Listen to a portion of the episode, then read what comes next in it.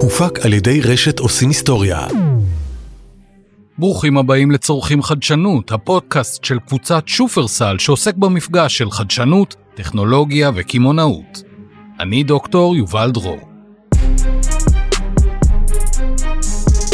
תפעול הוא מונח יבש, כמעט משעמם, אבל מאחוריו מסתתרת דרמה גדולה.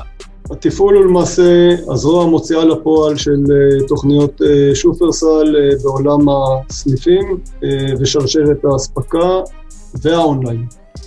מערך התפעול, אגף התפעול ושרשרת אספקה כולל למעשה את שלושת המרכיבים האלה, מרלוגים עם המערכת הכוללת של תכנון ושרשרת אספקה, מערך הסניפים על הפורמטים דיל, שלי ואקספרס, ומערך האונליין של החברה, כשבנוסף יש יחידות מטה שתומכות בפעילות הזו. מטרתן בעצם אה, להביא את הפעילות המסחרית לידי ביטוי אה, מיטבי בשטח. זה דוד לרון, משנה למנכ"ל שופרסל וסמנכ"ל התפעול ושרשרת האספקה בחברה. על פי לרון, תפעול מקפל בתוכו את כל מה שקורה בשטח, מחידוש המלאי בסניף ועד הגעת המשלוח לבית הלקוח. זה אולי נשמע פשוט, אבל המשמעות היא שתפעול הוא תחום עצום בהיקפו. הוא חולש על ניהול המוצרים ושינוע משלוחים, על מעטפת הקנייה באונליין ועל חוויית הקנייה בסניף עצמו, על התשלום בקופה ועל אפליקציות לעובדים, הוא חולש על אין ספור תחומים שבהם פועל התאגיד. מצד שני, מי שעוסק בתפעול יודע שהוא פועל בתוך סביבה קצת מטורפת, משתנה כל הזמן ולפעמים כאוטית ממש. אז בפרק הזה נבחן מקרוב כמה מהמימדים שמרכיבים את הדבר הזה, שנקרא תפעול. ננסה להבין מה קורה מאחורי הקלעים, איך מנהלים כאוס מהסוג הזה, אילו שינויים מתרחשים בתוך הנוף התפעולי, ואיך הם באים לידי ביטוי בצד שלנו, הלקוחות.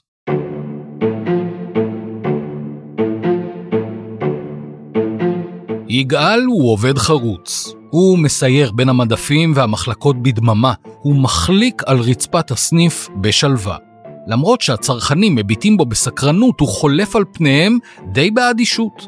מדי פעם הוא נעצר ליד אחד המדפים, מתקרב אליו, סורק אותו, מעביר את המידע למערכת המרכזית וממשיך לדרכו. יגאל הוא רובוט של חברת טראקס, שכל ייעודו הוא להתריע על חוסרים במלאי. כדי לעשות את זה הוא מבצע מיפוי פיזי של הסניף כמה פעמים ביום.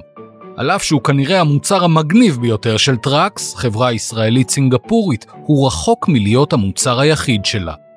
טראקס, שמתמחה בפיתוח טכנולוגיות לראייה ממוחשבת, מרשתת את הסניף שבו היא פועלת במצלמות נוספות, מלבד אלו שמתניידות עם יגאל.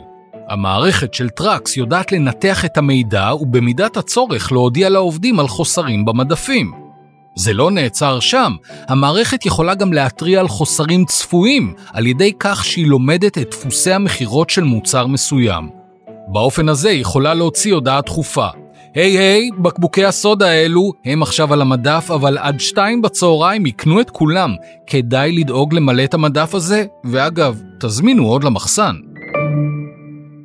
דבר שציבור הרחב, מה שנקרא, נראה טריוויאלי, של לדעת מה באמת יש על המדף בכל רגע נתון, קמעונאים בכל העולם יודעים שהוא בכלל לא טריוויאלי.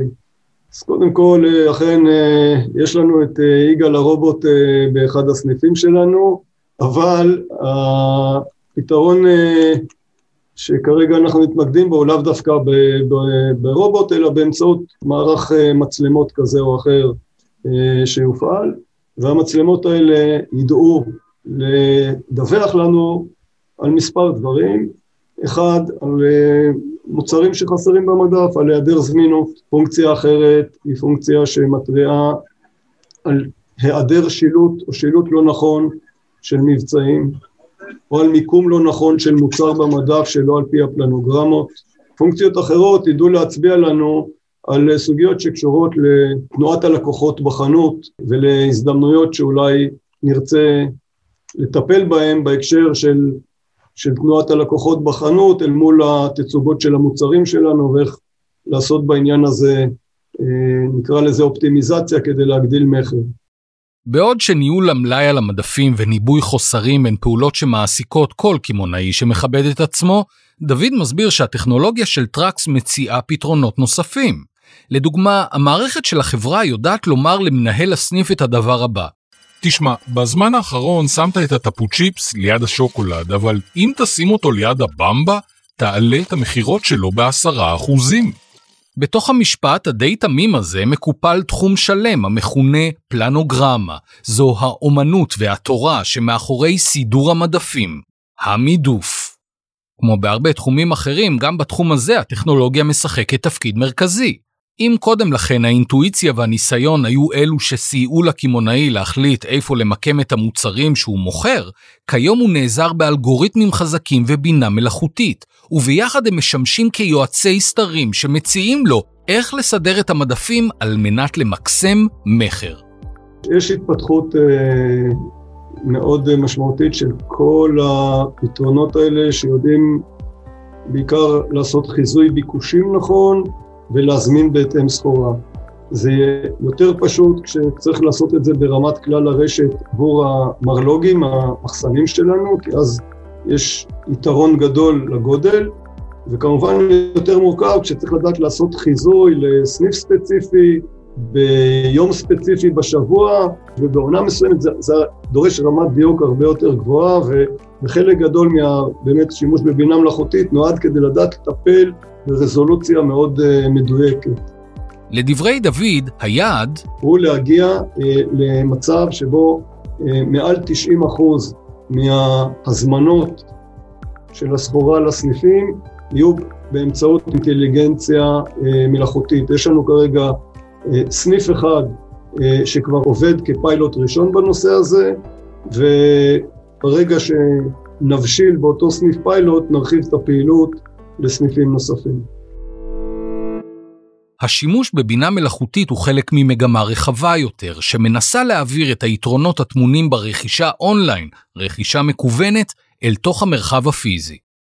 בפרק הראשון של צורכים חדשנות דיברנו על אומני צ'אנל, החיבור והממשוק בין החנות הפיזית לאפליקציה, לאתר ולכל פלטפורמה אחרת של הקמעונאי. אם לא האזנתם לפרק הזה, אני מציע לכם לעשות את זה ממש עכשיו.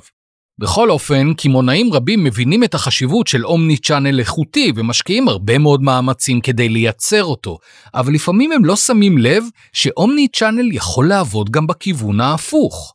לא רק לקחת את החוויה הפיזית ולהעביר אותה אונליין, אלא גם לקחת כלים שעובדים טוב באונליין ולהטמיע אותם בחנות הפיזית.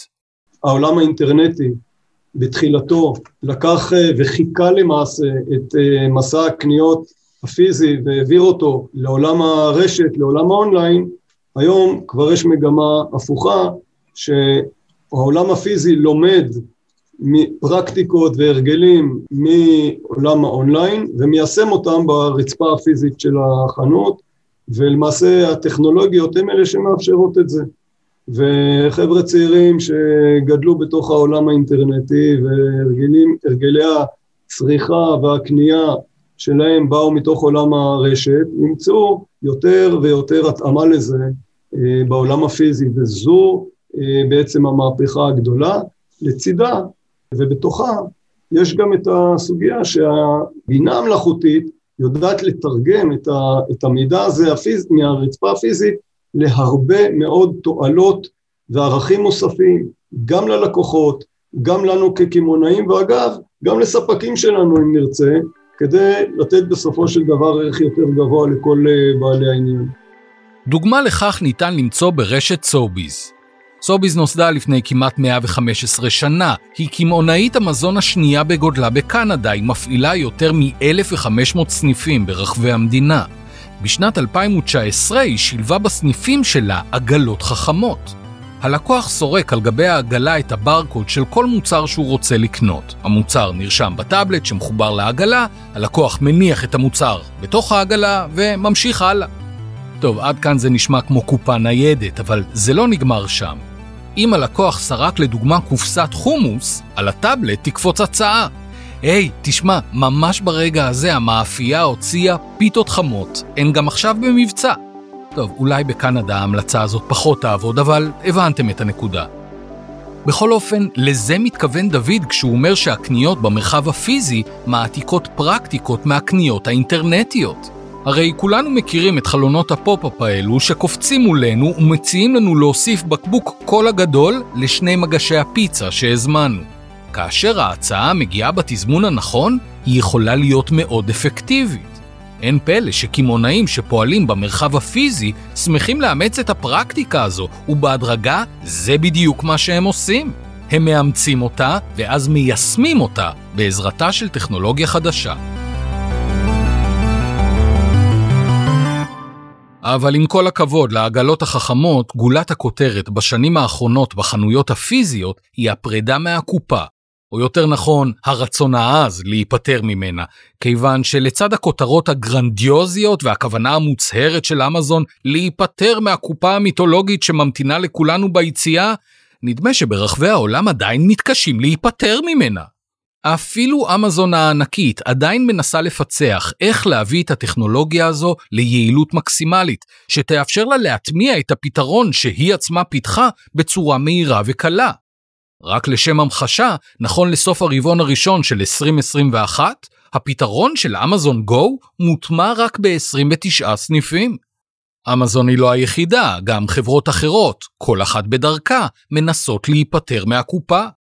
בעוד שאמזון גו מתבססת על מצלמות וחיישנים על המדפים, סיינסבוריז, הקמעונאית השנייה בגודלה באנגליה, בחרה בטכנולוגיה שונה. סיינסבוריז מזמינה את הצרכנים שלה להוריד אפליקציה דרכה הם סורקים כל מוצר שהם מוסיפים לעגלה שלהם. כשהם מסיימים הם משלמים דרך אפל פיי או גוגל פיי, או בקיצור באמצעות אפליקציות תשלום פופולריות שטרם תפסו בארץ הקודש. ואחר כך את הקבלה הם מקבלים באמצעות סריקה של QR קוד שנמצא בכל פינה בחנות. מצד אחד עושה רושם שזה עובד לא רע, מצד שני זה לא נטול חיכוך בכלל. קודם כל, אי אפשר לקנות בחנות הזו אם אין לך כרטיס אשראי של נקטר. אני לא ארחיב את הדיבור על נקטר, יש מצב שנקדיש לו יותר זמן בפרק אחר, אבל בקצרה אומר שנקטר הוא מה שנקרא כרטיס נאמנות, ששותפות בו מספר חברות ענק קמעונאיות שמעניקות הנחות והטבות לאלו שמחזיקים בו. בקיצור, אם אתה רוצה לקנות בסניף סיינסבוריז שאין בו קופה, אתה חייב להצטייד בכרטיס נקטר. אבל שנית, וחשוב במיוחד, אחרי שכבר הצטיידת בכרטיס הזה, בנקטר, אתה חייב לסרוק כל מוצר ומוצר שאתה רוצה לקנות. בהשוואה לאמזון גו, זו טרחה של ממש. חברה שמספקת פתרון מעט יותר קרוב לזה של אמזון גו, היא טריגו ויז'ן הישראלית שעובדת עם שופרסל וטסקו הבריטית. הטכנולוגיה של טריגו ויז'ן מבוססת על מצלמות שאותן פורסים מבעוד מועד ברחבי הסניף, לצד חיישנים שממוקמים על המדפים עצמם.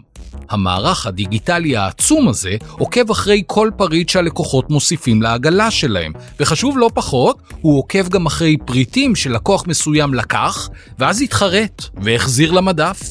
עולם הקופות, שאתה אה, מתייחס אליו, הוא עולם שלם, מכמה טעמים. דבר ראשון, זה איזשהו חיכוך שהלקוח לא מת עליו. קודם כל הוא משלם בו, אבל ב' הוא גם מתעכב בו אה, ללא שום תועלת. אה, כל מסע הקניות של הלקוח הוא מסע שהוא אוסף בו דברים שהוא רוצה, נהנה מתועלות שהוא מחפש אותם, והוא מסיים אותו משום מה בקופה, במקום שהוא מבזבז זמן על מנת לשלם ללא שום תועלת. והלקוחות כמובן ישמחו להיפטר או להיפרד מאובדן הזמן הזה ומהחוויה הזו.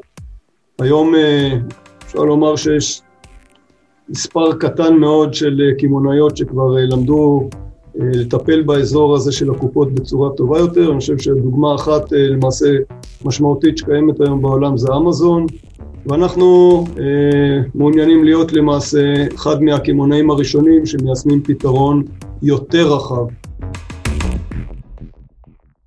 חלק נוסף בעולם התפעולי כולל את ה-last mile, שבו נגענו גם בפרק השני שלנו. זה כנראה המקום בו הכי קשה להיות מדויק. למה? טוב תראו, בסניף הכל מבוקר. אלו האנשים שלך, שפועלים בסביבה שלך, שבה אתה שולט. בסביבה הזו הכל בנוי, מסודר ומאורגן כפי שאתה תכננת. מושלם. אבל בחוץ? בחוץ הדברים מקרטעים, פשוט מכיוון שזו סביבה הרבה יותר מבולגנת. אנחנו למשל נתקעים בפקקים על בסיס כמעט יומיומי, זה מעצבן, זה מעייף, זה מתסכל, אבל נו, זה לא סוף העולם. אבל עבור אנשי התפעול ששינוע הוא חלק מהותי מהמקצוע שלהם, הפקקים האלו הם הרבה יותר מסתם מטרד. ענקית הלוגיסטיקה UPS החליטה להיכנס ברבק בבעיה הזו. גם היא, כמו טראקס, גייסה לעזרתה את הביג דאטה. מערכת הביג דאטה שלה מצליבה נתונים ממספר מקורות, מזג האוויר, עומסי תנועה בזמן אמת, מחירי הדלק, עבודות בכביש ועוד עשרות משתנים נוספים, ואז היא מחשבת ומשקללת את כולם, באופן שמסייע לה לקבל החלטות ולייעל את הדרך שעושה הסחורה מהמשאית שלה ליעד. לטענת UPS, החברה חסכה בעזרת המערכת הזו עשרות מיליוני ליטרים של דלק, ומנעה פליטה של מאות אלפי טונות של פחמן דו-חמצני לאטמוספירה. נראה שכעת הקרקע מוכנה לחשוב ולפתח את הפתרונות של הדור הבא. באמת הדור הבא הוא כבר פתרונות מסוג אחר, אה, ומדברים אה, על שני סוגים בעיקר היום של פתרונות, אחד זה רכבים אוטונומיים והשני זה רחפנים. אה, בשני התחומים האלה עדיין, בוא נגיד, יש הרבה מאוד פרסומים וגם לא מעט מיזמים שעובדים עליהם, ויחד עם זאת רמת הבשלות שלהם היא עדיין בתחילתה. יש עוד זמן לטעמי לדברים האלה בשני היבטים, פעם אחת בהיבט הרגולטורי, בשביל שכל מיני כלים ירחפו בכל מיני מקומות בארץ. נדרשת הסדרה אה, ממשלתית לא פשוטה בכלל בשום היבט, ורק זה בפני עצמו אני מעריך ייקח כמה שנים. כנ"ל בתחום הרכבים האוטונומיים, אה, נדרשת הסדרה ממשלתית אה, עם רגולציה לא פשוטה, אז בשני התחומים האלה רק זה ייקח עוד כמה שנים להערכתי. דבר שני, באמת זה האם כדאי, וכדי שיהיה כדאי לא מספיק שיהיה חדשני, צריך שזה מביא ערך, אה, כשערך אחד בדרך כלל זה יעילות טובה יותר, וערך שני זה איכות טובה יותר ללקוח, ונכון לכרגע, היות והטכנולוגיה הזו, בתחום שלנו לפחות, עדיין לא בשלה, היא גם לא יעילה ולא מביאה בינתיים אה, שיפורי איכות, כך שאני מעריך שזה ייקח עוד מספר שנים עד שהדברים האלה יגיעו. יכול להגיד שגם בנושא הזה אנחנו בקשר עם מיזמים ישראלים אה, מעניינים שעובדים בתחומים האלה, אבל עם הבנה אה, שייקח עוד זמן עד שיבשילו.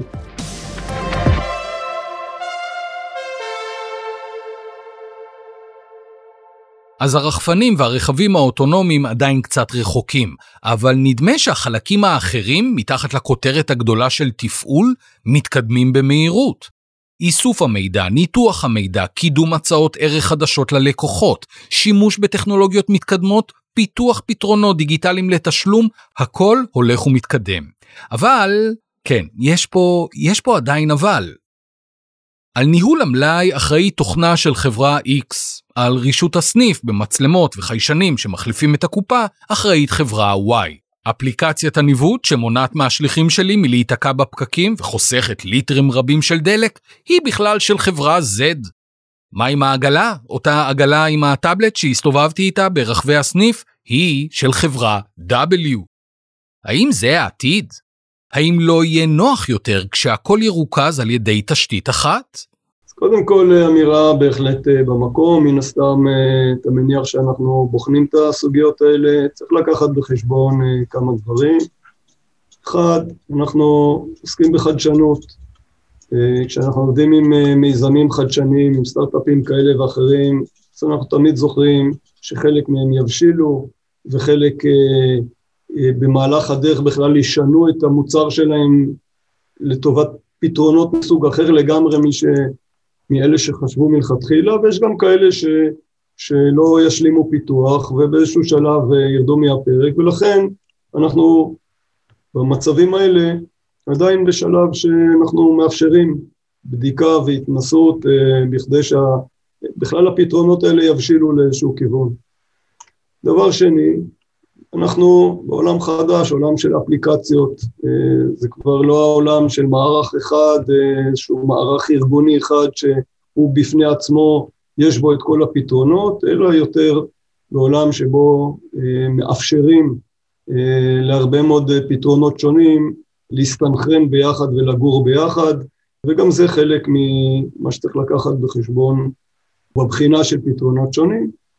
ולסיום, כן בסופו של דבר, מן הסתם, באיזשהו שלב בשנים הקרובות, פתרונות שונים יקבלו איזושהי אינטגרציה או מערכת אינטגרטיבית שתתכלל אותם.